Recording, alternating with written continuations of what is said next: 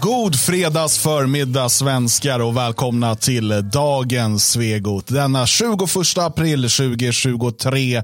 Vi har eh, i studion jag Dan Eriksson och mitt emot mig Magnus Söderman. Och då när ni var i Allehorn, ja han har fått aids. Ja det har han. Vad tråkigt. eh, Det var ju den här Tysklandsresan. Jo men själva skapandet eller själva liksom överförandet var kul. Ja, ja precis. Under, Det några, var en någon, labyrint i Berlin han hittade som vi inte ska prata om. under någon kort sekund där så var det väldigt uppåt. Sen var det tråkigt när, när det kom. Där. Bagg i grenen. Ja. För jävligt. Så att eh, det här är ett helt aidsfritt avsnitt, eh, hoppas vi. Det, det här det kommer fortsätta vara det. Visserligen ska vi prata om Thomas Tobé om en stund. Mm, vi vet inte om han har Hög, aids. hög aids-aura på honom. Det är faktiskt. Det är det. Jag tror inte han har aids. Eh, Men det är auran. eh, Men här håller vi inte på att tro. Nej, utan här jobbar vi med fakta. Som att Jalle Horn har aids. Det är fredag, gott folk. Det är fredag och eh, fredagssändningarna de är lite, lite mer hivade. Jag skulle säga att de är mer, som man säger om vissa människor, de är lite mer speciella. Det här är vårt, det här är vårt Special Olympics kan man säga. ja, precis. Alltså alla får medalj. Ja, ja, men det tycker jag. För deltagande och eh, även de som inte deltar får medalj. Vi, vi tänker på er alla. Vi har ju Eh, publiken för i alla fall. Det har vi verkligen. Vi ska ju idag prata en hel del om eh, Eh, den här eh, migrationspakten och det som klubbades i Europaparlamentet häromdagen.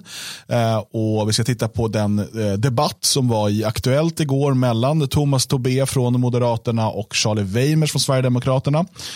Och, eh, och sådär. Och sen så ska vi även titta in lite på vad som händer i Jonas Simans värld. Mm. Precis, den, Den är fascinerande. det man liksom lyfter på den där stenen och så, oj, oj, oj, oj, oj, här pågick det eh, konstiga saker. Mm.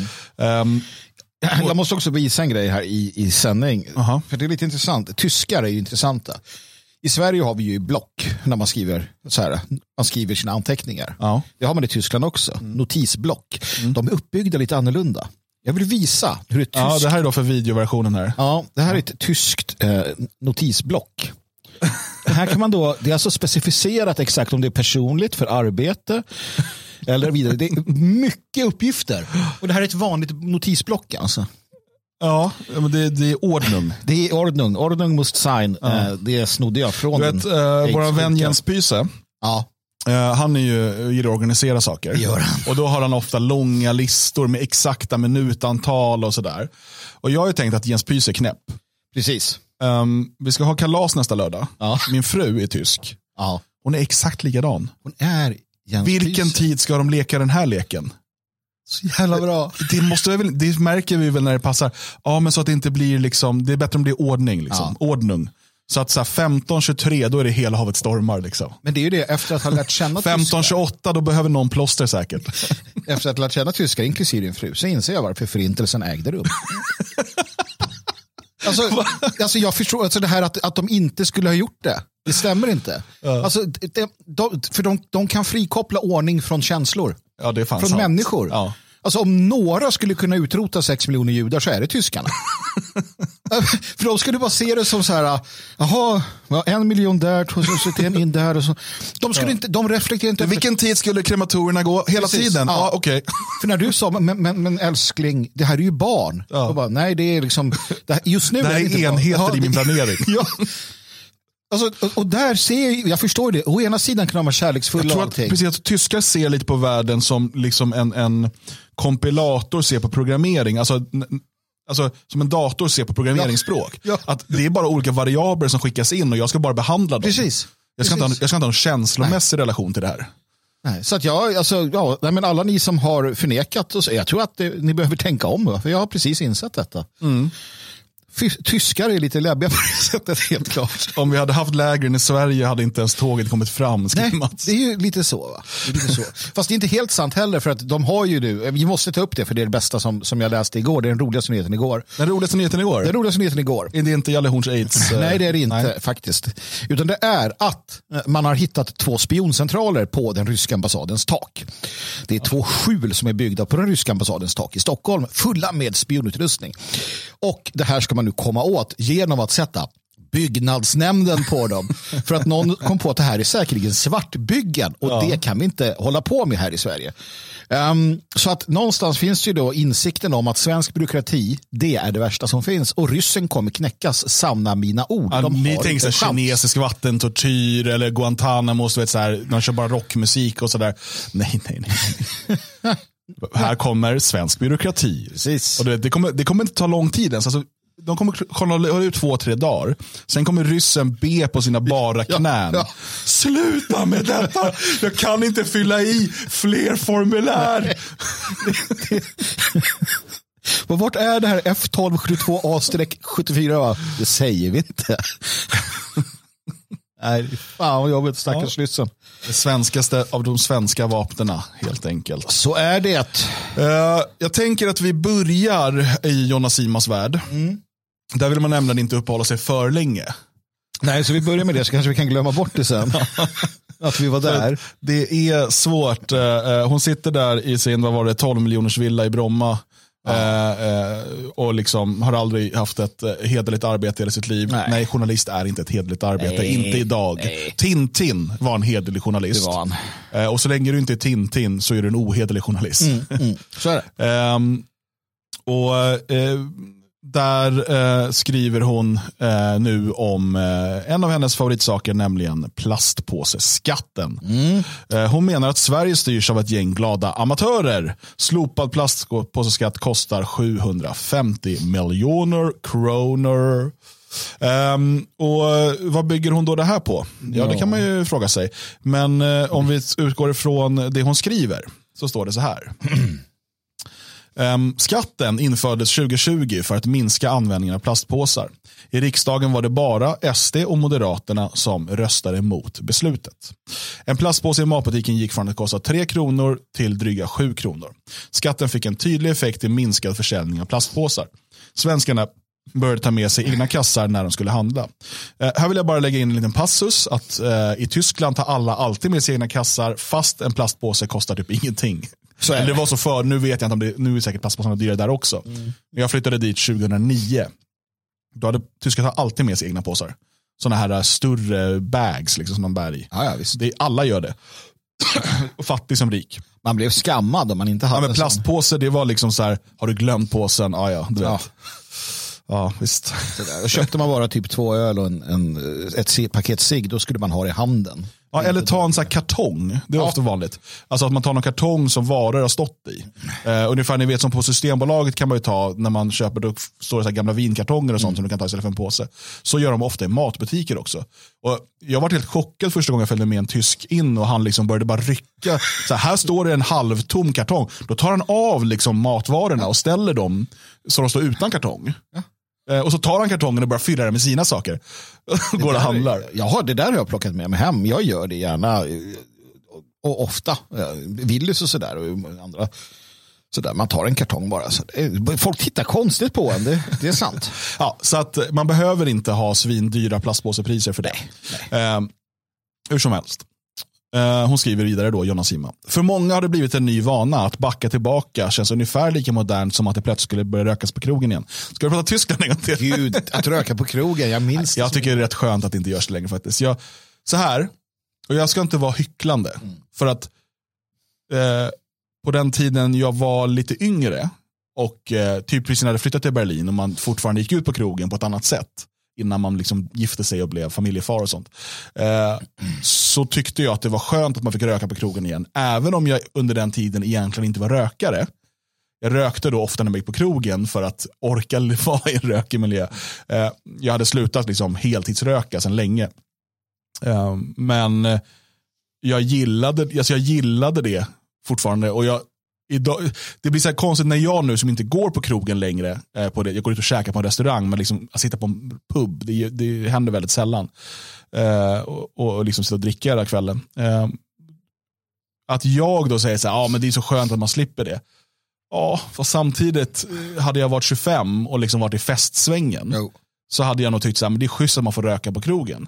Så att Ja. Men, men, det är också, idag är det ju väldigt omodernt att röka. Det är ju knappt någon som gör det. Det är, det är inte tufft längre. Jag, jag minns ju den tiden. I Sverige röker ju folk knappt halsen. Nej. nej.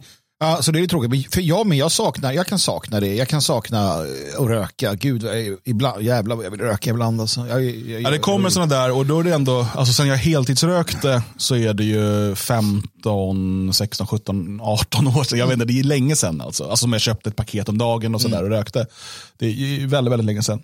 Men eh, ibland kommer den där, det kommer, och det kommer nog alltid komma, eh, liksom att det vore fan schysst att börja röka igen. Jag Fast ju... sen så jag säga, det var helt idiotiskt också, så jag gör det ju Nej. inte. Men alltså, det, jag tror att den där uh, finns kvar. Och det finns vissa stund, fan, varför pratar vi om det här? Jag vet inte. Ja, men nu är det men, det här som okay, gäller. Det är fredag. Eh, jo, och ibland, det finns någonting härligt i sommarmorgonen, första cigaretten utomhus. Du ja. går ut med en kaffe på balkongen eller trädgården eller vad det än är. Ja. Och du vet det här härliga sommarljuset, det har precis börjat bli 14-15 mm. grader. Det är fortfarande lite kallt från natten. Eh, du har din kaffe och så tänder den där cigaretten. Den är oslagbar. Mm. Den är inte värd cancer. Nej, det är den ju inte. så jag tänker inte börja med den. Men det är, det är, den, det är den man saknar. Eh, det är lite som Plura, den där sången. Jag kommer inte ihåg om han går ut och gör det där. Men i alla fall skitsamma. Jag har ju ett, eh, jag, jag, jag har ju ett uppehåll i mitt rökande, haft några år. Um, men jag har ju ett paket uh, jag har ett paket teatercigaretter hemma. teatercigaretter? Ja, det är cigaretter, fast de är typ fyllda med en jävla örter bara, stod det. Mm. Uh, liksom sådär. Dyra som fan var Som du kan röka, liksom. det, är, det är inte tobak, det är inte nikotin. Just för det här tillfället då det där, den där känslan blir för stark och jag går ut och tar den där cigaretten, då har jag ett paket cigaretter hemma och kan röka. Um, det kostar typ 90 kronor per sån där. Så det var dyrt som fan. Då, som sagt. Det kanske de kostar nu. Nej, eh, jag, jag, jag, jag det... Eh, uppmanar ingen att röka. Nej, det gör inte jag men, heller. Men det finns ju någonting i att när man har gjort det, eh, när man har varit rökare, så jag tror att det där aldrig helt försvinner. Nej, men saknar inte du, jag tänker på restaurangen som du sa, jag saknar det här inför maten-ciggen, under maten-ciggen och efter maten-ciggen. Under, det där är äckligt ju. Man åt, det vet jag på McDonalds i Danmark, där hade de, McDonalds i Danmark, där hade de... Där hade de så, din definition av restaurang är ju spännande. Alltså. De hade på toaletterna, ja. askkopp. Ja. Det var skönt, men då, satt, då hade man en Big Mac i ena handen och en cigg i andra, så åt man och sen skulle på man tyska på McDonalds kunde du också få öl. Jag säger ja. Och röka på toaletten, dricka. Fantastiskt. Det är, det är vit civilisation i, ja. i sitt esse. Nej, fy fan. Jag, jag, hoppa, jag, jag, hoppas verkligen att rökning helt försvinner. Eh, jag är inte säker på att det är statens uppgift att förbjuda det. Men det är ju en jävla skitgrej. Alltså. Alltså det är jävla dumt så att du anar inte. Det är så vansinnigt dumt. Eh, och det tar så här lång tid. Som sagt, jag slutade ju röka för några år sedan. Det kan ju komma en sån här jävla överraskning efter 15 år när man får lungcancer och dör. Ja. Bara för att det, så här, det tar tid att utvecklas. Nu tänker man, nej men jag, I'm home free. Så, 15 och sen år. är ju väl eh, mer än vad man vill erkänna av det där. Alltså det är klart att rökning ger cancer. Ja. Det, det är vi rätt säkra på. Kol och annan jävla skit som folk får. Eh, men det finns ju också en genetisk eh, kom, eh, komponent där. Så är det. Eh, och ibland kan man bara ha jäkla otur. Jag har eh, alltså en, en barndomsvän till mig som, som dog väldigt ung, jag tror han var 18-19 när han dog, i hjärntumör. Mm. Han hade aldrig eh, rökt eller druckit alkohol när han fick hjärntumören. Däremot så minns jag när eh, han, ja, till slut hade kommit tillbaka och liksom, nu kommer det inte gå att lösa. Och, sådär. och eh, då ville han prova lite saker. Mm. Eh, alkohol och cigaretter var ingen knark eller så. Men liksom, han, han har aldrig använt, för han blev sjuk när han var typ 14-15. Så han liksom kom heller aldrig in i det där det tonårslivet. Liksom. Mm. Uh, så det var en rätt fin stund uh, med hans föräldrar. Mm. Uh, när vi liksom drack och rökte. Och Vad fan, han ville göra det innan han dog. Ja, fan. Det, är som, det är som att säga, är man Tänk om farsan då, nej det får du inte. Nej, liksom. precis. För då är, jag säger samma, är man så 70 då kan man ju ta crack cocaine och bara, ja,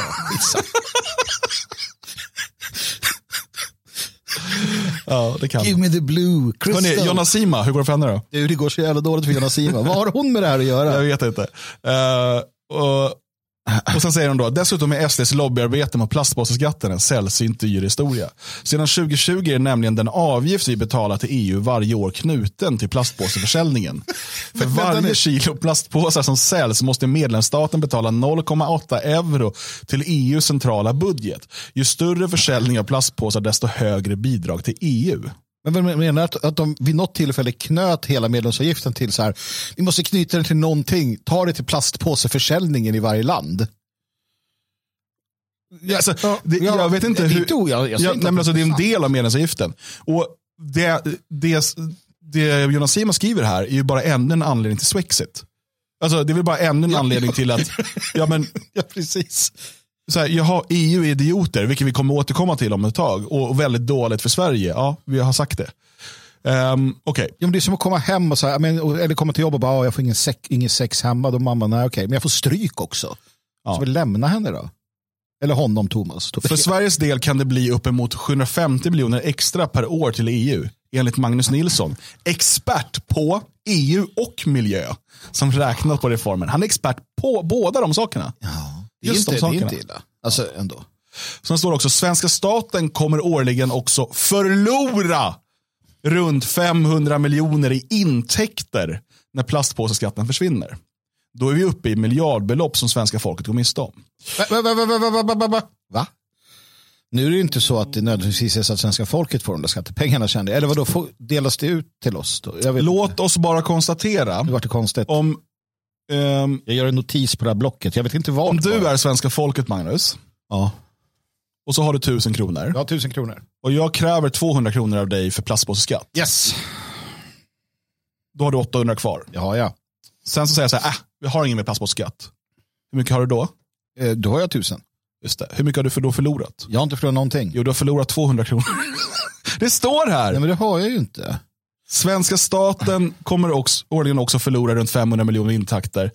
Och då står det, då är vi uppe i miljardbelopp som svenska folket går miste om. Du har gått miste om de där 200 kronorna som jag inte tog från dig. Jo, men det är, Om jag inte tar dina pengar så, Ja. gått, så går du miste om dem.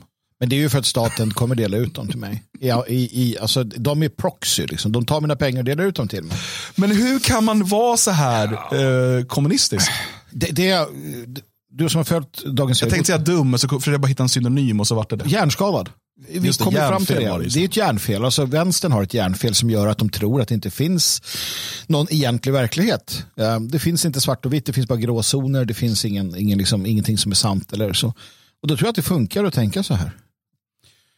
Um, sen har hon ju så hon klarar sig. Hon, hon behöver ju inte vända på pengarna som Nej, men, vanligt folk behöver göra. men, men det som framför allt är med plastpåseskatten är ju att det är meningslös patetisk signalpolitik. Ja. Och det är ännu mer skatt. Ja. Och Okej, men om det, de här 500 miljonerna som då staten förlorar i intäkter, Mm. intäkter eh, genom den här skatten, de kommer väl förmodligen då komma ut samhället på något annat sätt, eller? Och användas, eller kommer det vara så här att varje gång som du går och köper en plastpåse i Magnus för tre kronor, Ja. du bara, det här är fyra kronor som jag inte ger staten, Ja. de bränner jag. Ja, det kommer jag göra. så ja, bränner jag kommer- mynt. Ja, det kommer jag, jag kommer bränna mynten. Jag kommer lägga upp det på YouTube också. Nej, jag, gör det. Jag, jag vet inte hur de tänker, det, men det är ju... Ibland är det bättre, ibland är det sämre. Den här gången var det osedvanligt dumt kan jag tycka. För att det är så, det, är så väldigt lätt att se att hon har helt, helt fel naturligtvis. Inte ens hennes egna läsare kan ju tycka att det här var en... Jo, det kan de ju naturligtvis tycka. Um, Ja, men de tycker ju att, alltså, och, och det är ju den här kommunistiska eller socialistiska inställningen, att varje eh, in, icke intagen skattekrona är förlorade pengar. Mm. Eh, för att, liksom, och, och, det måste ju vara så, om det, om det här betyder att svenska folket går miste om pengar, alltså att när man inte tar pengarna från dem, då måste det ultimata, alltså där, där människor inte går miste om några pengar, det är ju 100% skatt. Mm. För då går svenska folket inte miste om någonting. men det är ju dit de vill. Det måste ju vara det. Ja, ja, För det, ja. det är så här, om, det, om mer skatt är bra så måste ännu mer skatt vara ännu bättre. Självklart. Så varför inte bara säga det? Varför inte bara säga 100% skatt och sen kan politikerna bestämma hur pengarna ska användas och så kan de fördela det så det blir rättvist och jämnt. Skatt är ju lite grann då som alkohol. Att lite grann är bra för att du blir lite bra och tuff och sådär. Men väldigt mycket, det blir ju inte så bra. Ja. Fast kanske kul ett tag. Ja. Dagen efter. Det så. finns väl inga liksom, bevis för att för mycket alkohol är skadligt. Nej, alltså en påse pengar också kan vi slänga En ut ny här. påse en ny påse pengar. Tänk vad många påsar pengar man kan få om de tar alla pengar från alla. Mm. Det är ju jättebra ändå. Tänk, ja. Jag tycker att det inte... 100% skatt så att du inte går miste om någonting.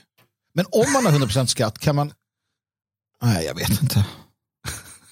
Hur ska man betala räkning? Nej, men allt är gratis då. Är. Ja, då är allt gratis i samhället. Just det. Men då måste du också sätta upp kvoter på hur mycket du får Så handla. Så då, för du kan ju inte bara gå in och bara, jag vill ha en Lamborghini. Nej, nej, utan, Nej, eh. Du ska ha en lada om tre år. utan det kan ju bero på liksom kanske en sociala kreditscore, eh, vilket ju blir en ny valuta, men det behöver vi inte prata om. Eh, där du kanske, ja, men beroende på hur väl du håller med partiet och sådär, eller staten, eh, så kan ju du då eh, få liksom tillgång. Ungefär som när eh, svenska eh, de här alkoholmonopolen det växte fram och vi hade klass 1, klass 2, klass 3 restauranger. Och där då på eh, de lägsta restaurangerna där arbetarklassen fick äta. Eh, och, där var det mycket lägre, alltså fick man dricka mycket mindre sprit. Medans eh, höga partitoppar i sossarna och, och sådär, de kunde gå på de finaste restaurangerna. Och där fick de dricka hur mycket de ville. Eh, och det, då har ju de inte gått miste om någonting. Det är sant. Jag, jag tänker, vi ska bara svara det. Carola här eh, i chatten. Och det är inte Häggkvist, även om jag tror att hon lyssnar på oss också. Det var så hon kom fram till sina nya idéer där tidigare. Men hon, vem läser Aftonbladet? Hoppar de inte hennes artiklar? Nej, men jag tror att nej, saken är, och det här, det här är så jobbigt att förstå. Det här är så jobbigt att ta till sig. Jag är ledsen att jag ska förstöra ditt liv nu, Carola. Men det kommer jag göra. Det är väldigt, väldigt många svenskar som tycker att det som Jonna Sima säger i grund och botten är skitbra. Massor. Tusentals. Tiotusentals. Och för att inte tala om då de nya svenskarna i citationstecken. Det finns en sån överväldigande majoritet svenskar som ändå i grund och botten tycker att Jodå, för fan, Jonna Sima, det hon säger, det är bra. Alltså, inte kanske exakt det, men den idén och de idéerna. Det är hur många som helst och det är många som läser Aftonbladet. Många läser Jonna Sima. Många läser deras ledarredaktion. Um, så att det är, är väl värt att titta på vad de skriver. För det där är liksom, det är det de förfäktar. De har en, he, en hel, hela sossarnas partiapparat och det är tio, tiotusentals människor bara där. Liksom. Så att jo då, för tusan. Eh, på tok för många eh, gör det. Ehm, jag vill eh, passa på, vi, vi lämnar Jonas Simas värld där. Eh, och eh, för att förstå hur en sån um, liksom, tokstolla kan få så mycket att säga till om. eh, så eh, kanske det finns snart en bok man kan läsa eh, som kan ge vissa Eh, vissa insikter. Och det är ju då eh, den storsäljaren, eh, alltså den, den epokgörande nästan, eh, boken eh, Sexual Utopia and Power som nu äntligen kommer på svenska, släpps av Logikförlag. Och vi kommer ha en releasefest och föreläsning. Eh, författaren, alltså amerikanen F. Roger Devlin, kommer till Sverige och till Stockholm för att föreläsa om boken och för att svara på frågor, för att signera den här första svenska utgåvan. Eh, så att vi har bokat en, en lokal i Stockholm eh, där vi eh, kommer ha den här föreläsningen. På scen kommer också Jalle Horn och Ernst Robert Almgren eh, att eh, tala. Eh, Det kommer bjudas på lite lättare tilltugg och eh, trevligheter. Eh, Och självklart så får man också boken. Så vill man ha, få tag i första upplagan och kanske till och med få den signerad så gäller det att komma på, på den här releasefesten. Eh, Sen på kvällen finns det också möjlighet att boka in sig till en, en VIP-middag tillsammans med Devlin och eh, Logikförlags medarbetare där vi har bokat ett privat rum på en av eh, Stockholms eh, anrikaste krogar där vi tillsammans eh, kommer avnjuta en, en svensk trerättersmeny eh, för den som önskar eh, lite mer liksom, tid att kunna diskutera och prata om de här sakerna och umgås på, på det sättet. Eh, men den 27 maj är alltså releasefesten. Biljetterna släpptes igår och de går som smör i solsken som man brukar säga. Eh, och Det är ju av naturliga skäl begränsat antal platser både på releasefesten och på middagen efteråt.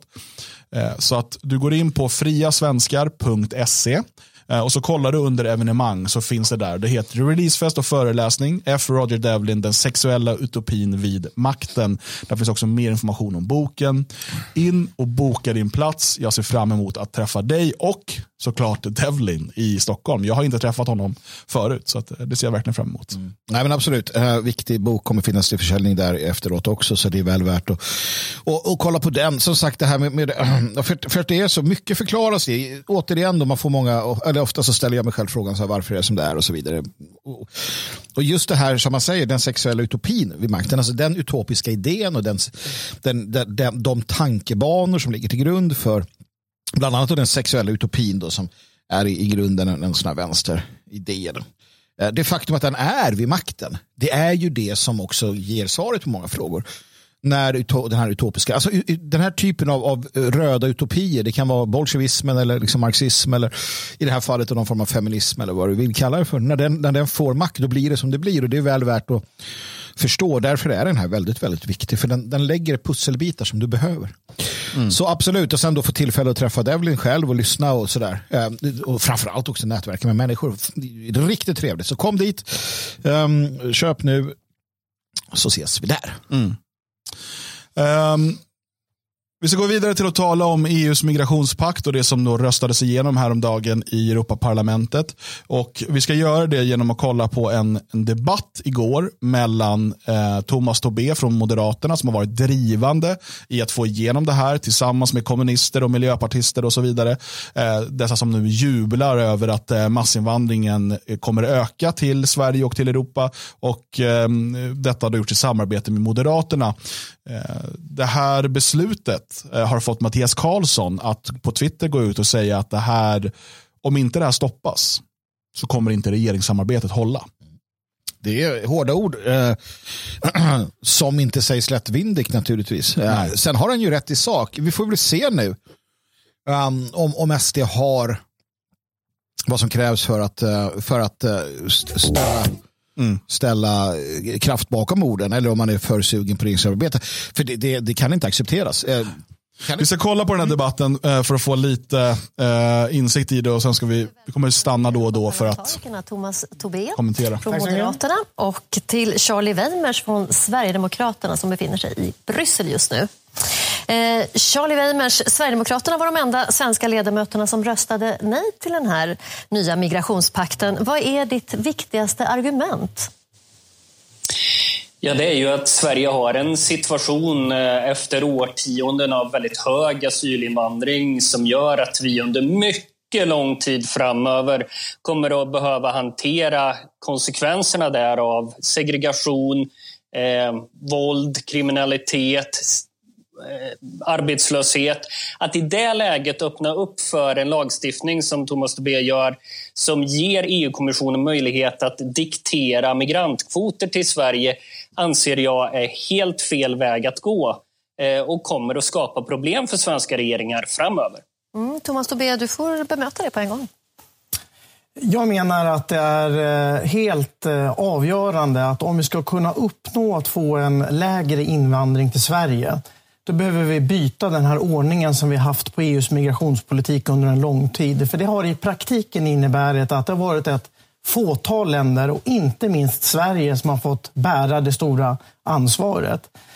Jag ska bara säga då, och de kommer säkert komma till det i debatten här, men vad det här innebär är alltså att Sverige inte längre beslutar om invandringen till sitt eget land. Precis. Alltså om Sverige då säger, vilket är en del av Tidöavtalet, vi ska ha noll invandring. Då kan EU säga, och kommer säga, nej, ni ska ta emot så här många. Och Det är bara en liten del av det. Hela den här eh, pakten innefattar också ökad möjlighet till anhöriginvandring, eh, ett stopp för att kalla det för illegal invandring, det ska pratas om irreguljär invandring, det finns lite andra sådana saker. Eh, och för att i början så var nämligen de gröna och vänstern var emot det här. Men de lyckades då kompromissa in en massa eh, ökade möjligheter för massinvandring till Europa och Sverige. Mm. Som eh, Tobé och eh, de så kallat konservativa eh, då gick med på. Och nu så drog man igenom det här i eh, Europaparlamentet. Det var bara två partigrupper och det är de liksom invandringskritiska mm. som var emot det här. Eh, kommunisterna var för, miljöpartisterna var för, sossarna var för, de så kallat konservativa var för. Ja. återigen då bara så att vi, vi har det klart. När vi säger konservativa så menar vi en mer, alltså. En, en mer borgerlig version. Alltså långsamma sossar. Ja, precis. Lite mer trötta i huvudet sossar. Mm. Ja. Och jag menar att vi måste nu komma till en lösning eh, där det är fler medlemsländer än bara Sverige och några till som ska bära detta. Mm, men är det så att, eh, som Charlie Weimer säger, att vi, eh, kommissionen kommer att diktera att Sverige ska ta emot eh, migranter? Eller asylsökande? Nej, det stämmer inte. utan Det stora skiftet... Här ljuger han, vilket jag tror att eh, Charlie Weimers snart kommer eh, påpeka. Mm. Han ljuger. Han ljuger. Han ljuger alltså. ja. Och eh, det som jag och min partigrupp har gjort och nu också fått ett eh, starkt eh, stöd för. Det innebär att vi nu kommer att få en ökad kontroll vid gränsen Den stora skillnaden kommer innebära att vi gör en större skillnad på människor som faktiskt har asylskäl i Europa och de som är ekonomiska migranter. För att de allra flesta som kommer till Europa saknar asylskäl. Mm. Och den ekonomiska migrationen den måste minska. Mm. Och, och jag tror att vi är ett... Och man ska veta att det här också innebär att EU då kan tvinga på Ungern och Polen till exempel, mm. de två länder som liksom har försökt eh, spjärna emot massinvandringen, kan tvinga på dem Eh, eh, så kallade migranter. Precis, för att jag är ärligt talat inte så orolig för att man kommer ge Sverige jättemånga nya på en gång. Utan det här är ett sätt för EU, för eh, den här besten, att ge sig på Ungern och Polen till exempel och, och, och, fylla dem med främlingar. För det finns ett övergripande mål. Greve Kudenov-Kalergi som var en av de första paneuropeerna, bla bla bla, väldigt tydlig med att målet är att varje del av Europa ska blandas ut och blandas bort. Det ska bli mångkultur, fler flerrasigt samhälle etc. etc, etc. Precis som Jenny Adelstam önskade för Sverige 2015 sa det ska inte finnas en enda plats i Sverige där det finns en etniskt homogen vit liksom, kommun utan allt ska blandas upp och hon fick rätt och hon lyckades. Man lyckades genom att påtvinga. För det som hände i Sverige under flyktingkrisen var att man tog bort kommunernas kommunala självstyre och sa att nu är det staten som bestämmer vart främlingarna ska sättas. Mm. Det här är exakt samma sak och ger det då 10-15 år eller vad du vill så kommer Polen och Ungern ser likadana ut om de inte bara lämnar unionen och säger far åt helvete. Um, ja. Jo, det man gör nu är att man tar bort det nationella självstyret när det gäller migrationen. Yes. Precis som man tar bort det kommunala självstyret inom Sverige eh, under den så kallade flyktingkrisen. Så nu tar man bort det nationella självstyret. Det betyder alltså att eh, som du säger, det här behöver inte betyda på kort sikt ökad invandring för Sverige.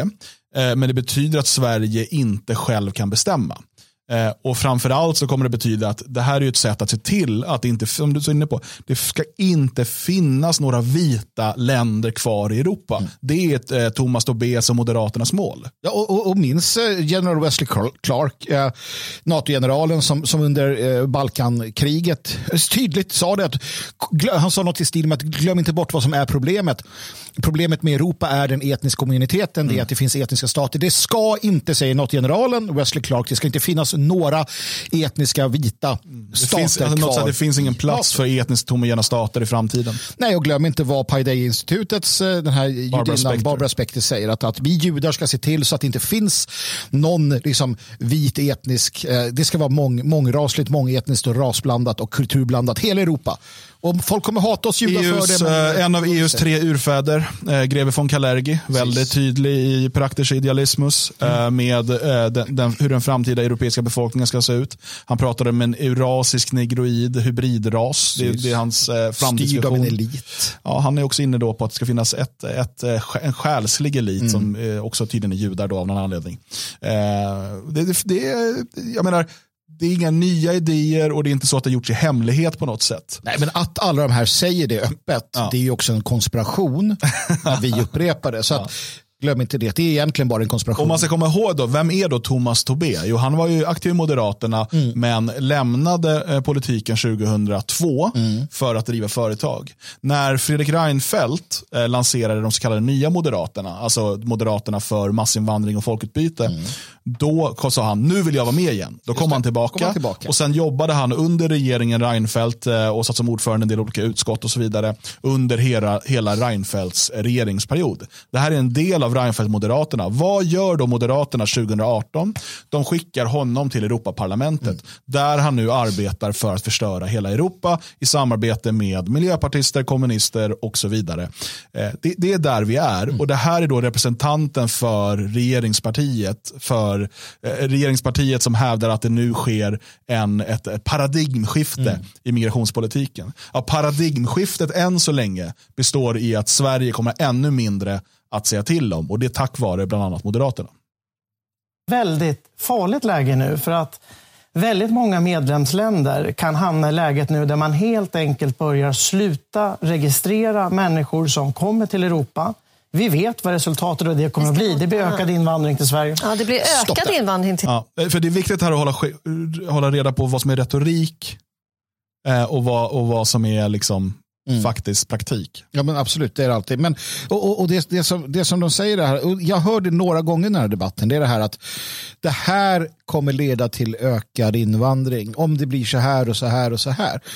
det vi måste ställa oss frågan är då varför? Varför om, om andra länder i Europa börjar bete sig på ett visst sätt, säg att de slutar registerföra eller vad du vill. Varför ska det per automatik öka invandringen till, till Sverige? Om Sverige har rätt, och, som vi än så länge har rätt att, att begränsa själva, då behöver vi inte bli det. Varför skulle vi få mer invandring bara för att andra äh, äh, så att säga inte släpper in eller tar emot?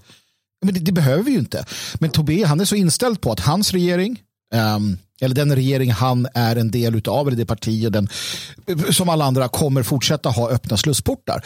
För det finns ingen inkoppling uh, att vi måste ha en massa invandring bara för att andra inte har det. Det, det är, helt, det är, helt, det, det är en lögn. Uh, men det där tänker man inte på när man hör, utan det man hör är att shit vad läskigt, ja, fy fan. Ja, men då måste vi göra så här.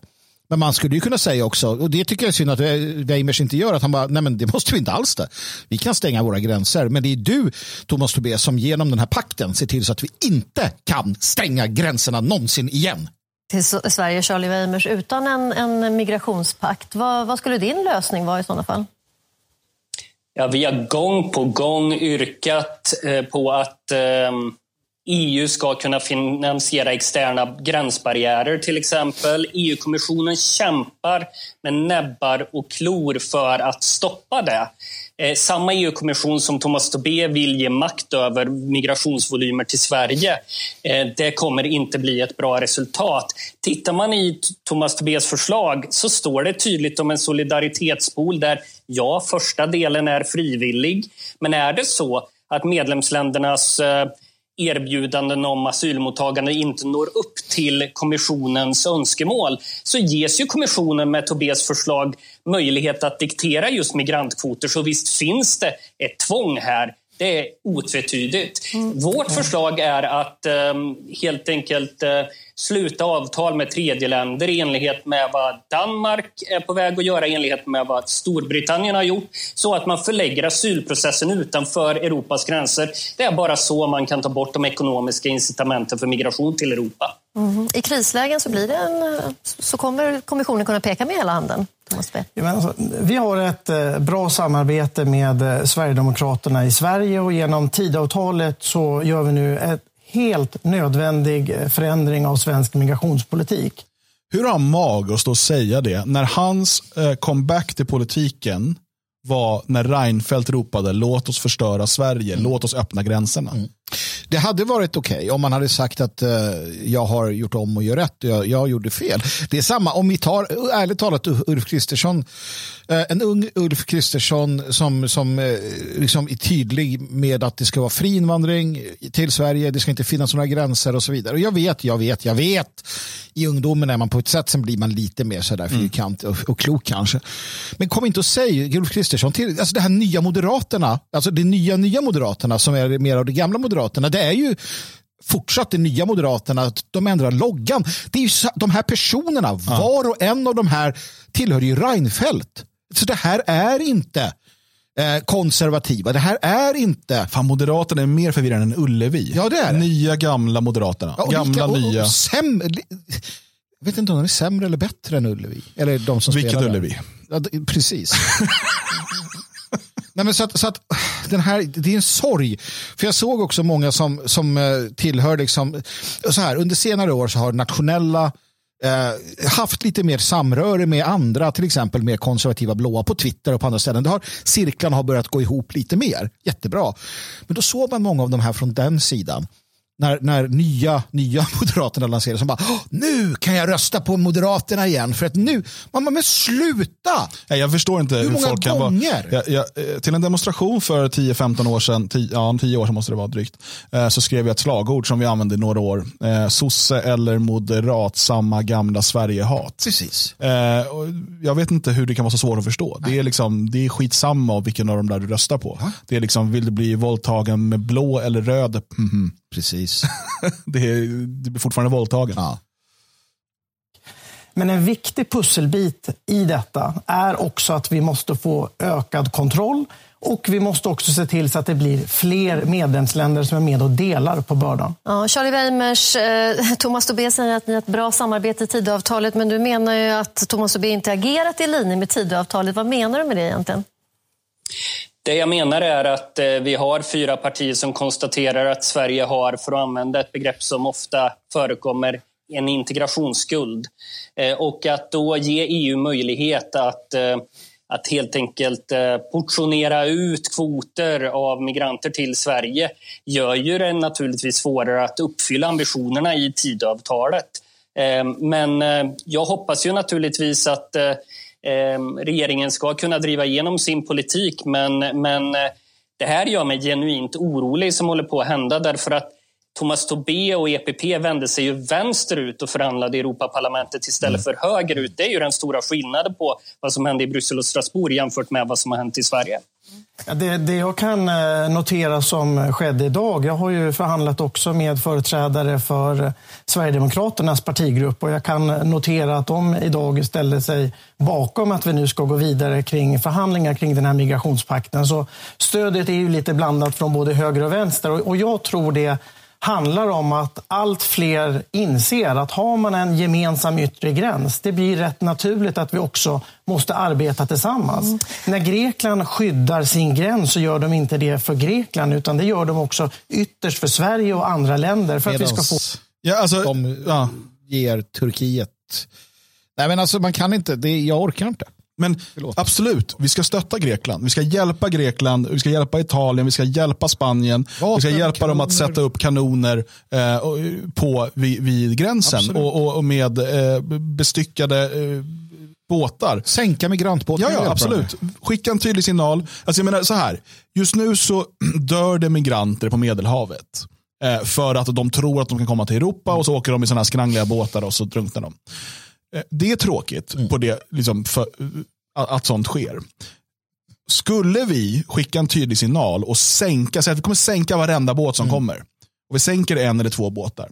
Det är en kortsiktig tragik, men det kommer rädda tusentals, tiotusentals, hundratusentals migrantliv och det kommer rädda tusentals, tiotusentals, hundratusentals europeiska liv som annars kommer få lida under massinvandringens mm. eh, konsekvenser. Det är ett ganska enkelt beslut att ta eh, om man tänker långsiktigt. Europas gränser måste skyddas. Jag är helt för, jag går gärna in frivilligt och donerar till Fort Europa, till byggandet mm. av tydliga starka gränser som bevakas och där inte en jävel släpps över bron. Mm. Det, jag har absolut inga problem med det. Jag kan till och med gå med på en, en höjd skatt i två år mm. för att vi ska lösa det här. Det är en lösning på problemet eh, med inflödet. Inte som nu där man förhandlar med eh, miljöpartister och kommunister och lägger in nya pullfaktorer, underlättar anhöriginvandring och tar bort vår möjlighet att styra över vår egen migrationspolitik. Det är inte att stärka gränsskyddet, det är landsförräderi. Thomas Tobé. Det är det definitivt. Eh, och jag, jag säger inte att det blir bättre. Det blir inte bättre av att SD Uh, skulle fimpa sitt samarbete och, och liksom ställa till det parlamentariskt i Sverige. Men det skulle vara ärligt och det skulle vara principfast. Och jag kräver bara det. Jag, jag har en helt annan, eller vi har ju en annan idé om hur framtiden kommer gestalta sig oavsett vad man gör. Mm. Därför är det viktigt med principerna. För mig är det det absolut viktigaste. Sverigedemokraterna, om de ska ha någon trovärdighet kvar så, så, så blir det ju att de måste principiellt agera och säga att nej, men då lämnar vi detta. Vi kan inte ställa oss bakom detta. Och då säger man, då blir det sossarna. Ja, men ja, låt det bli det då. Det spelar ingen roll. Mm. Det, det, det, här, det, det, liksom, det, det är så marginellt det som händer. Nej, precis, och, och, utan istället, folk blir inlurade i den här falska dikotomin mellan moderater och sossar, mellan höger och vänster. Eh, och, och, och liksom engagera sig och lägga ner massa energi och tid på att och vi måste få till en annan regering med moderater och liberaler istället för sossar och liberaler. för då kommer det förändras.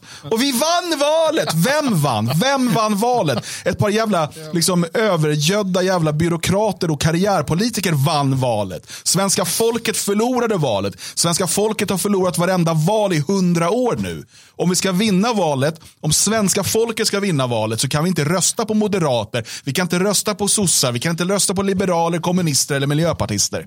Då måste vi rösta på några som står för folket, alltså nationalister. Det är de enda som kan vinna ett val åt det svenska folket. Mm. Ja, men det, det, är jätte, det är jättetydligt det du säger och jag, jag hoppas att ni alla som, som lyssnar och, och tittar tar till er det och, och dela mer av detta för det, det måste förstås i bredare eh, lager. Jag tror att det, att det kommer göra det också delvis men ja, vilken parodi. Ordnad, migrationspolitik. Men Thomas Tobé, Tidöpartierna skulle ju vara överens om migrationspolitiken hörde vi senaste valrörelsen. Men nu låter det faktiskt som att ni inte är det.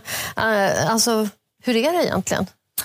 Vi har ett eh, väldigt bra samarbete i Sverige. Jag beklagar att Charlie Weimers just nu har landat i den här positionen, men jag hoppas. Men det spelar ingen roll, för att nu kan vi inte bestämma över migrationspolitiken vi kan ju själva. riva bort det, alltså ta bort migrationssidorna ur Tidöavtalet. Ja, men, ja, men för för vi att, kan inte Precis, för att nu är inte det upp till Sverige längre att bestämma, nu är det upp till Bryssel och Strasbourg.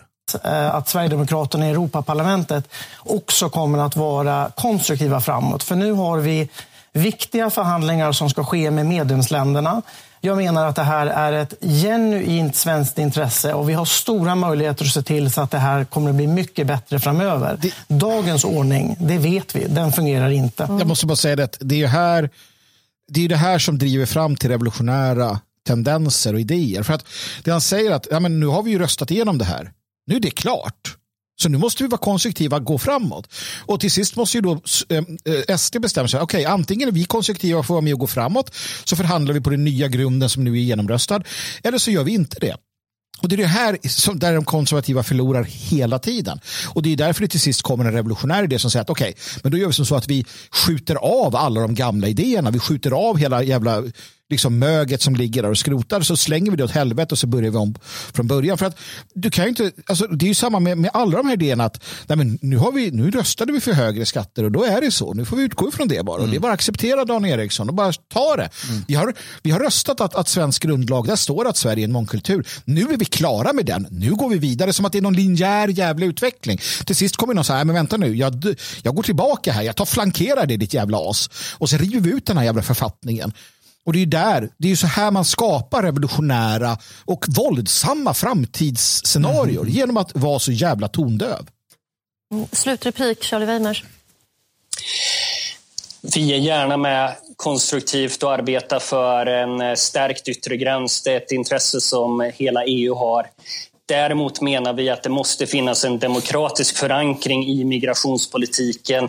När EU har prövat de frivilliga kvoterna så kom man överens om 8 000 som skulle omplaceras men bara 435 har omplacerats. Och det handlar ju om att det inte finns någon stor aptit bland medborgarna på stort asylmottagande. Och det måste EU ta hänsyn till, annars bygger man in enorma konflikter i detta. Charlie Weimer, Sverigedemokraterna, Thomas Ove, Moderaterna. Jag ser i chatten här, eh, Impersonator till exempel skriver SD är en så otrolig besvikelse. Seeker skriver SD är inte konservativa eller nationalistiska jävla töntparti. Eh, Johan skriver SD har inga bollar att göra något och så vidare. Eh, och, eh, jag är egentligen inte emot någon av dem. Eh, däremot så måste jag ju faktiskt, jag tycker att man om man utgår från de förutsättningar som finns så måste man ändå tippa sin Fedora eh, till Charlie Weimers. Det arbete ja. han gör i Europaparlamentet. Han, eh, och, och, Det är intressant med tanke på att Charlie Weimers kommer från Kristdemokraterna. Mm. Um, och, och, från en, en eh, kristen konservativ bakgrund inom Engelbrekt var det va? Och, men, men, och där rörde han sig liksom i, i vissa nationalistiska sfärer kan sägas. Men, men det finns och, och, och, jag tycker absolut man, man ska, man bör och ska kritisera Sverigedemokraterna för allt de gör fel. Men jag tror också att det är viktigt att se de få ljusglimtar som finns inom partiet. Och med det är inte sagt att Charlie Weimers på något sätt är perfekt, men han är ju den eh, parlamentsledamot eh, som alltså gör det bästa jobbet i Europaparlamentet. Okay, kanske ganska låg nivå sätta som, som liksom för att mm. bedöma någon. Eh, men, men det finns de här ljuspunkterna. Och du har att Pontus Andersson tar upp svenskfientligheten mm. och ställer det mot justitieministern. Jag, jag hade gärna sett, som jag sa när vi kollade på det, eh, att han hade varit mer konfrontativ. Att han hade varit, och så vidare. Men det finns de här ljusglimtarna och de måste vi lyfta fram och vara glada för att det sker. Utan att det på något sätt ska göra oss liksom, eh, mätta och nöjda. Nej, men precis. Jag tror också att det är viktigt att, att se det som att okay, det finns liksom, här finns det ett parlamentariskt spel som pågår och där är SD. Här utanför finns någonting annat och där kanske vi är just nu. Sen finns det här någonting. Och när vi tittar därifrån och dit så är det en sak som gäller. Men om vi ställer oss här inne och tittar på vad som händer där så måste vi också sätta det i rätt kontext. Ja. Precis som att vi kräver ju att man ska titta på historiska händelser i en historisk kontext. Du kan inte bedöma Gustav Vasa på samma sätt som du bedömer en modern politisk ledare. Det går inte. Mm. Utan du måste bedöma dem genom så att utifrån vad SD har för förutsättningar så ska vi bedöma dem för vad de gör där. Sen kan vi också hoppa ut, ta av oss den hatten och sätta på en annan hatt och titta in och säga här gör, det, gör de fel och så. Eh, och det handlar väldigt mycket också om att man själv ska kunna se de där ljusglimtarna som brinner på dagen. För gör man inte det, då blir det nattsvart, mattsvart och ett jävla, mm. ett jävla bottenlöst mörker. Um, och det är inte bra. Så att det finns positiva aspekter. Och titta bara på den metapolitiska nyttan av det till exempel när Strömmer ställs mot väggen, när svenskfientlighet nämns i, i riksdagen. Vi gick, du och jag Dan, vi gick tillsammans, hand, inte hand i hand, men vi gick under banderoller med svenskfientlighet en tid då, då inte det fanns. Mm. Vi var med och lanserade begreppet. fanns, men begreppet Precis. användes ju inte och absolut Nej, inte i Sveriges riksdag. Absolut inte. Vi Utan lanserade det förnekades, existensen av det förnekades totalt. Dan och jag, händerna så här eh, i Salem och så lanserade vi begreppet. Uh, nej men, och nu är det där. Så att vi måste förstå det och det är tack vare Sverigedemokraterna naturligtvis att, att han tar upp det där. Så att, ja precis, de har ju fått vara en murbräcka på den, på den scenen. Vi ska gå hand i hand. Jag tänker att vi ska också bara kolla på ett kort klipp från Europaparlamentet där, just, där vi hör både Charlie Weimers och eh, Thomas Dobé. För där får de ju prata lite mer utan att det står någon statlig representant och liksom stoppa dem. Precis. Um, det är tyvärr på engelska. Mm. Uh, men vi räknar med att vi inte behöver översätta uh, ord för ord. Uh, men jag tycker ändå att det är en intressant replikväxling som sker där. Så jag tänker att vi ska kolla på det. President, uh, dear colleagues, uh, this proposed act is not equipped to deal with today's migratory pressure, let alone higher numbers of future arrivals. By working with the left, Mr. Tobias' report removes instruments necessary to combat illegal migration, retains forced solidarity, reinforces pull factors. Don't take my word for it.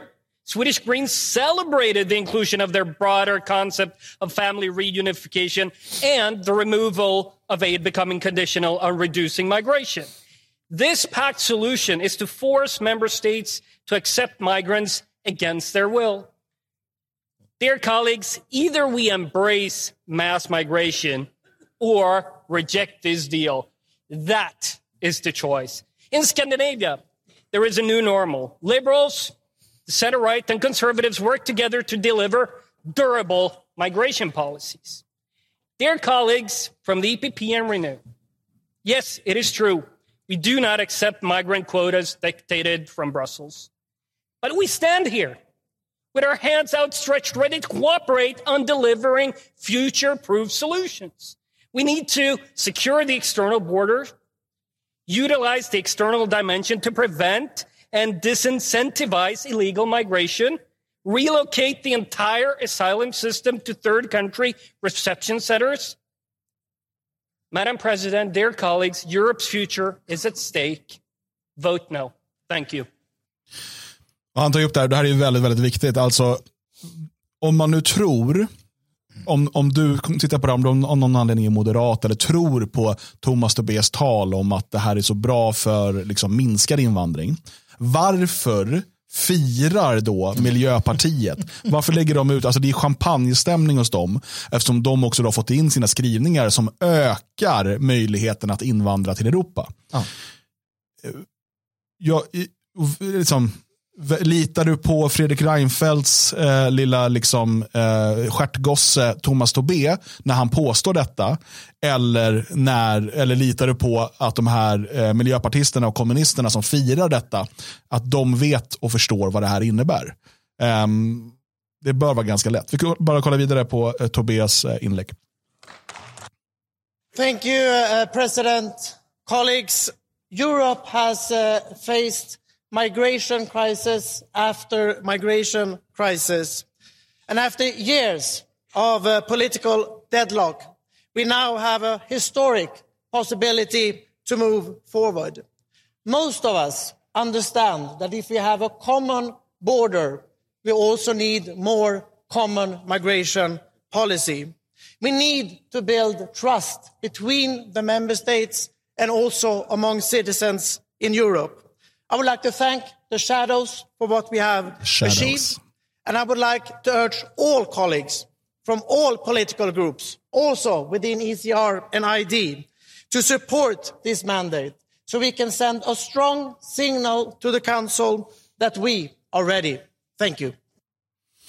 Vilka är de där shadows? Jag vet inte, jag, jag, eh, jag, jag, orkar inte kolla upp det. Skuggrapportör, det låter ju obehagligt. Eh, och det Man lå- säger, I will we will thank the shadows. Det är uppenbart. Satanister. Eh, och då kan vi kolla då, vad skriver Mattias Karlsson här på ehm, Twitter eh, i, eh, i natt? Halv fyra i natt. ja, han, eh, han var vaken tidigt. Ja, det är bra Mattias. Ehm, hur som helst, eh, vi kanske kan få hans eh, drinklista sen och utgå ifrån den, men eh, vi får utgå ifrån vad han skriver så länge. Regeringen måste stoppa migrantpakten i EU-parlamentets tappning, utformad av den svenska moderaten Thomas Tobé. Om inte så har jag svårt att se hur grunden för vårt samarbete ska kunna bestå. Ja, Bam, bada, bam, bam. så, nej, men det, det är alltså, ja, nej, men det är så. Vi får se då. Eh, vi, vi håller, jag håller på dig Mattias. Eh, du har helt rätt. Ja. You and me together. Eh, så att eh, det, det här är ju då, för att det här ska väl då på något sätt ratificeras i riksdagen antar jag då. Ja. För hur ska, de annars, hur ska annars riksdagen kunna stoppa det? Nej, precis. Vi, vi ska väl ratificera att vi ger bort makt. Så vi, vi Ja. fattar beslut om att vi ger bort Och då makt. behövs det ju en majoritet, jag vet inte om det behövs två tredjedelar, eller en, det- här vet jag inte, Nej. men låt oss bara konstatera att Vänsterpartiet, Moderat, äh, Vänsterpartiet eh, Miljöpartiet Centerpartiet, eh, Socialdemokraterna, de, alltså de här lär ju rösta för det. Ja, ja. De har ju fått in sina grejer där. Ehm, Moderaterna, ja då är frågan. Alltså då behöver ju hela Tidöligan Mm. gå emot det här. De måste, eh, Moderaterna har ju jobbat stenhårt för det här i Europaparlamentet. Då måste ju de gå emot sitt eget arbete. Eh, och helt ärligt, om inte SD lämnar regeringen eller liksom slutar vara stödparti till regeringen ifall det här röstas igenom. Då, alltså jag menar, man har väl tappat hoppet på ett sätt om SD för länge sedan, men, men då, har de ju, då är de ju helt irrelevanta. Då kan de ju lika gärna, alltså då eh, får de en enda röst i nästa val, då är den person som röstar på dem dum i huvudet. Alltså. Ja, ja, nej, men visst. För det, här, det här kan de ju aldrig acceptera. De kan aldrig stödja en regering som går med på det här. Nej. Nej, man tycker inte det. Vi, eh, vi får se helt enkelt eh, vad det blir av det hela. Vi följer detta för er skull. för er skull. Det, det gör vi helt klart. EUs nya eh, migrationspakt och så får vi se hur det här eh, utvecklas.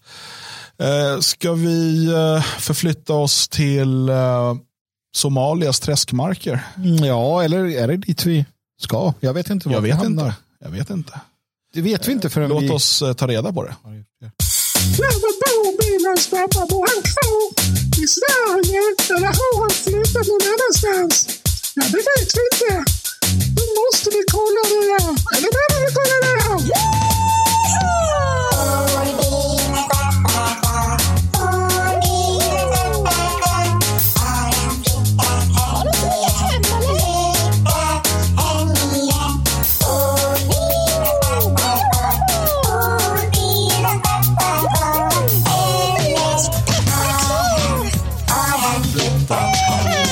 Kom igen nu, kom igen nu, kom igen nu. Kom igen nu. kom igen bilans pappa. Ja, det var tur att vi inte hunnit köpa den där champagnen. Ja. För då hade det ju varit jobbigt på ett sätt. Det har det ju. Bilans varit. pappa bor kvar. Trots att han i september eller oktober sa att han ska flytta från Sverige för man kan inte vara kvar med en så rasistisk regering. Trots att Bilan Osman, Expo-medarbetaren och den professionella antirasisten, eh, alltså han, hans dotter, hävdar att pappa har visst flyttat, han har flyttat men han, han vet inte fylla papper hur man gör det, hur man gör. Ehm, och eh, vi vet inte, har han flyttat? Ingenting tyder på det. Han är fortfarande folkbokförd i Sverige. Varför? Vi vet inte. Bor han fortfarande där? Vi kanske bör skicka en flygande reporter. Eh, det är så coolt namn, flygande reporter. Ja, det är flygande. Ja, absolut. Nej, men Eh, vi kanske bör gå dit. Alltså till... eh, Det är väl inte, alltså, inte på ett hotfullt Nej, sätt. nej. Jag vill vara tydlig med det. undersöka. Ja, Fråga om eh, Abdi Majid är kvar. Sanningen är det, till års, jag tänker till årsdagen så åker vi dit. Sänder live. Från, Om han inte har flyttat, Om han inte har på flyttat. årsdagen av hans debattartikel.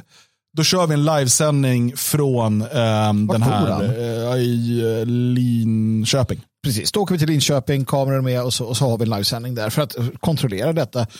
Um, då kanske det visar sig att han har flyttat. Men att han hämtar bidrag eller något från Sverige, jag vet inte. Men det, det måste vi göra. Och vi kan också då inbjuda våra eh, tittare och lyssnare tillsammans? och komma till Linköping den dagen. Ehm, Du vet att det här kommer tolkas som ett hot av någon typ Expo. Hotar med att, för att driva ut svarta ur men det är Sverige. inte sant. Jag Nej, vill nej. Inte, vi ska inte driva ut Nej. någon. Vi, Ja, ja, vi, vi ska kontrollera. vi måste ju bara kontrollera framförallt för att bilen hävdar ju att det här är folkbokföringsfusk. Ja, ja, precis. Och det är olagligt. Ja. Eh, För hon menar ju att han har flyttat. Ja, och hon ljuger ju aldrig. Det tror jag inte. Nej. Hon är kvinna. Ja, precis. Så att eh, vi får kontrollera detta på årsdagen naturligtvis. Samlas. Ja. Eh, ta med champagnen gör vi. Ja, om, för då har vi har inte fortfarande fått öppna den. Jag ska söka nu, jag måste komma ihåg vad han, eh, eh, vi tar fram artikeln här. Eh, rasism gör, 25 september. Ja. Tack Sverige, men vi kan inte bo här längre. Abdelmajed Osman, docent, ser ingen framtid i ett land som blir allt mer främlingsfientligt. Han har lovat då att lämna Sverige. 25 september. 25 september i år. Bara kolla, är det inte då vi har konferens? Nej, det är Jo. 30, 30 september har vi fria Ja, ord-konferensen ja, okej. i Svenskarnas hus. Så den 25 september, om man fortfarande står folkbokförd i Sverige, Ja. då ses vi i Linköping Det gör vi. Det gör vi. Och tittar. Ja. Och, och funderar. och tar reda på om det här stämmer eller Ja. inte. Ja, Det vore kul om vi kunde bli några tusen. Ja men absolut. Fantastiskt roligt ändå. Vad är det för dag? Så jävla sjukt om vi blir det. Ja, vi borde kunna bli ganska många. Ni kan ju redan nu liksom, uh, preliminärboka i kalendern. då. 25 september är då en måndag. Ja. Eh, så vi kör, vi kör på kvällstid. Han jobbar väl på dagen? Ja det gör han säkert. så vi, kör, vi får köra på kvällstid liksom, så man har lite tid att åka dit. Vi kommer också utanför. Kanske med Alltså- facklor. Facklor kan vara bra. Men innan vi också gör det här så ska vi, vi kan ha en liten hö högtalarbil. Så ska vi spela Bor bilans pappa kvar.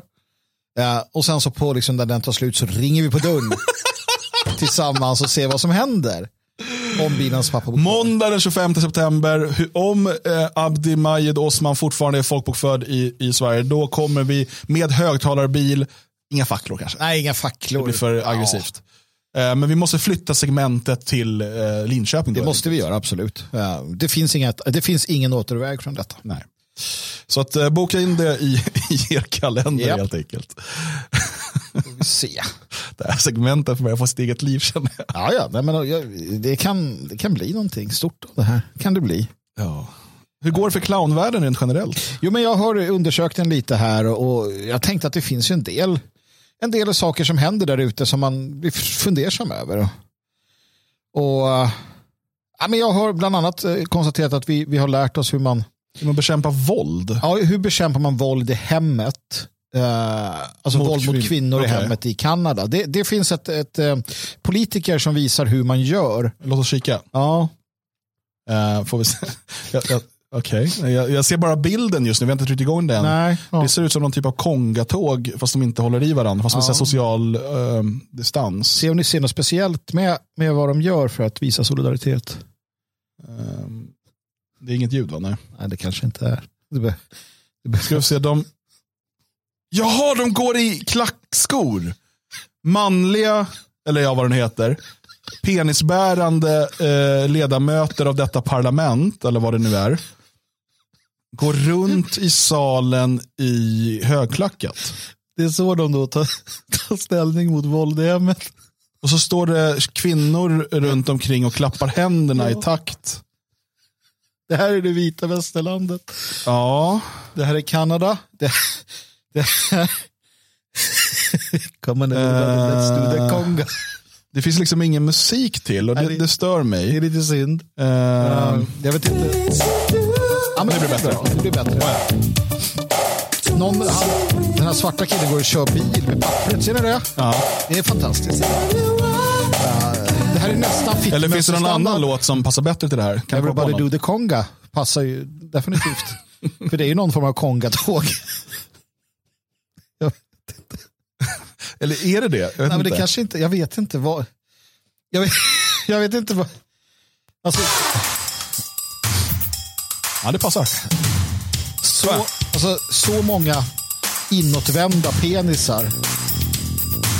Du vet, manslemmarna kryper upp i magen på de här. Herregud. Ja, men eh, Hej!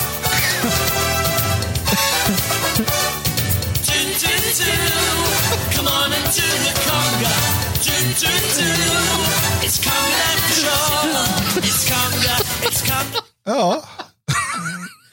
ja. Ja. Ja, ja. clownvärlden eh, den marscherar vidare i marschtakt. Eller något, eller kongatakt kanske. Ja, det är jätteroligt.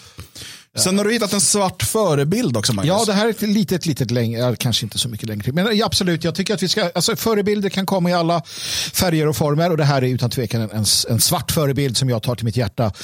Eh, bra kar. Låt oss titta på eh, det här. Det är från någon sån där dansshow. Dansshow, det är yes. Ja. Why don't we just pair up? I'm not into touching, okay? I'm not, let me put that out front. I'm no touching, no touching. No touching. I won't touch you. I was paired up with Isaac. He was like, Jag tror att det här är det här drag queen, det här som nu har kommit till Sverige som ingen vill kolla på. Okej, Det ja. heter drag, drag race eller något. Just det. ja, det kan det nog vara. Fast i USA då. no touching. I was like, oh, this is to be fun. The music will start, the boys will turn around. So, gentlemen, let's turn. Gorgeous. And then we start walking. Yeah.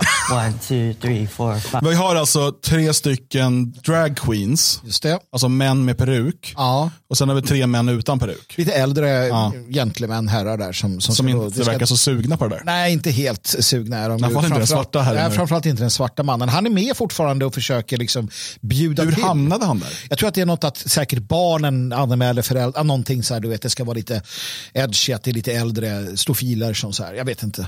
Ja. Five, six, seven, eight. Three, two, three, four, five, six, seven, eight. And then we will, let's look at the Hon gentleman. hade inte så bra taktkänsla han menar jag. Nej, Det- det nej. bara bytte takt där mitt allt. Gentlemen, you guys can acknowledge us. Ooh, who is this? Cool. Oh, I'm Yeah. sorry. I'm sorry. I can't do this. I can't do it. I'm sorry. I'm sorry. I'm a man of God. I can't do this. oh, no. Yeah, I love those people. I pray for them. I would never do anything to hurt them or condemn them. But men are not supposed to dress like women. I'm not going to go along go along with that. It's time to stand up and be a man of God.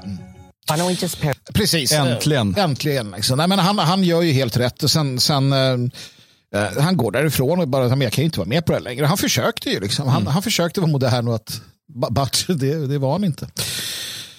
Eh, den där eh, Bruce Lee-killen där, jag sa så för att han var asiat, han, han, jag vet inte vad han blev ledsen över. Antagligen för att han inte själv hade balls nog att göra det. Nej men det är asiater är kända för väldigt små balls. Alltså, Säger, eh, säger eh, han ja. Vad han heter. Eller det säger han inte. Ja, ja. Nej men precis. Så att, nej, men det, Ja, ta efter. eh, Alltså, är svarta den, ta svarta efter. ett, vita gula noll. Ja men återigen, säg nej bara. Ja. Alltså det är direkt bara nej. Jag tänker inte vara en del av det här. Jag är en, en gudsman. Ja, eller så här, jag är en odensman eller vad man säger om man är något annat. Ja. Jag är en filosofman. Inte fan vet jag. Jag är en McDonalds-kille. Ja. Här går Det det. går bra det också. Vad fan. Ja, nej men så det var den då jag tänkte vi skulle visa. Sen har vi en annan liten grej. Och det är från Disney Plus faktiskt. Oh, Disney plus, där kan det bara vara bra grejer. och, och här ut, Jag tror att det är att man utbildar eh, barn i varför dinosaurierna gick under. Ja. Vi får se. Jag är inte, jag är inte helt... Ja, bra. Jag tror det. Ja. T-Rexes have a nest too. But those aren't eggs. They're rocks. So that's why they want to be around other dinosaur nests. These dino daddies want eggs of their own. They want a family. Aw, they'd be great dads. Uh, There must be something we can do to help them. There is. There are lots of eggs that need loving parents to raise them. we have a T-Rex egg back in the hatchery that needs a home. we can give the egg to them. Eh, det där är ju i, i dåligt maskerad bögpropaganda. Ja, men det skulle man kunna tänka också. Men jag tänkte att det kanske är just att så här, dinosaurierna blir bögar. They made the fish gay eller vad det var. The, Mm. Hens gay. Nej, Frogs. frogs gay. Och här är det bög dinosaurier. Sen är det också otroligt fel. Alltså, det där var inte T-Rex. Nej, det var det De inte. hade va? fjädrar och grejer. Vet du. Jaha, du menar så. Ja, jag, jag tror inte att det är den delen som är det. Det är Thomas Tobé och hans... Nej, men eh, det, det, alltså, det, det är obehagligt eh, att se det där. Eh, för det är, vad ni, det är vad era barn ser på eh, Disney Plus om ni låter dem titta. Ja. Eh, så att så. eh, så men, mm. Ja, håll koll på vad era barn eh, kikar på. Alltså. Ja. Sen det sista klippet, det, det är egentligen bara så här, det är väldigt kort. Men jag har ibland tänkt på det, jag, jag minns min, min mormor, jag minns min farmor.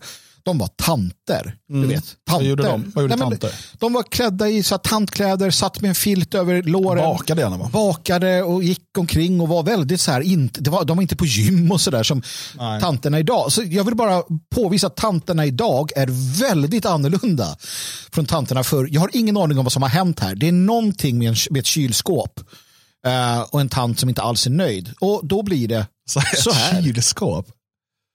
Uh, Okej. Tanter säger du. Mm, vi får se. Look at this crazy shit, man. Like, like for real, bro. She want me to hit her. No, I just want you to put the refrigerator in the house. We can't lift that thing. We don't even have a dolly. Va? Jag tror att det är en Hon har lagt sig framför bilen. lagt sig under, det är en lastbil som då, eh, han, jag tror att det är så här, han har levererat en kyl. Men han bär inte in den för det finns väl inte en överenskommelse Nej, eller det, nej. de har inte betalat för det. Och då går två tanter ut. En lägger sig vid förarsidan under däcket med en telefon såklart. Ja, och säger att jag flyttar mig inte förrän du bär in kylen. Och den andra tanten står liksom lite nerböjd vid högersidan vid vindrutan och bara tittar hålögt in. Ja, det är en sån skillnad på tanter då och nu. Det är det jag vill ha sagt här. Um, fantastiskt. Ja, det får man ju onekligen säga. Vad fan. Jag har rätt till det här. Ja, det finns ett visst mått, mått av det där berättigandet hela tiden. De eh, luktade lesbiskt också va? Ja, men det kändes inte helt fräscht. Tror du att de där röstar på Republikanerna? Jag tror att de är republikaner. Sen måste jag också vända mig emot hela den här Karen-grejen. För det finns ett problem med det. Jag har sett att de har sådana här Karens, du vet. Man kallar dem för Karens. Många av de här Karens är också upstanding, bra eh, kvinnor och män. Som exempelvis eh, vägrar bära mask. Mm. Eh, sån här covid-mask. De har ju hamnat i det här för att de blir så här, jag tänker inte ha den på mig och så vidare. Och det är fel, för det är bra. Vet du, idag, i morse så var jag på Ica i Töreboda. Ja. Då kom det en gubbe med mask. Vad är det? Det finns sådana Det människor finns fortfarande. de kvar alltså. Ja. Fick, gjorde jag fel som slog honom eller? Nej, nej, absolut inte. Det, det gjorde du helt rätt i. Ja, man ska göra det. Ja. Nej, så det var lite bara en, en utblick i eh, clownvärlden eh, som jag tyckte vi alla kunde behöva. Framförallt den där svarta mannen som jag bär med mig i hjärtat. Eh, you are eh, andlig brother helt enkelt. Brother from another mother. Så är det. Eh, på måndag, Ja, då sänder vi igen som vanligt. Jo, och då det hoppas vi att aidsen är över för Jallehorn. ja han, eh, han går på snabb chemo nu, Ja, det är så man får bort det. sägs det. Eh, Eller att ligga med väldigt många. väldigt många vadå? Jag vet inte, det blir fel för du sprider ju också samtidigt. Ja, det är Det fanns ju i Afrika idé. Där, Det var inte alls en trevlig idé. Jag vill inte ens ta upp det för Nej, jag, man ska nej. inte skratta åt det. Vi eh, eh, gör inte det, utan vi ser fram emot den här, den här helgen. gör vi. Som kommer vara full av konga. Så ta på dina bästa högklackade skor. Gå ihop med dina manliga vänner och bekämpa våldet mot kvinnor i hemmet. Nu kör vi. Konga, konga, konga, konga! Trevlig helg! Come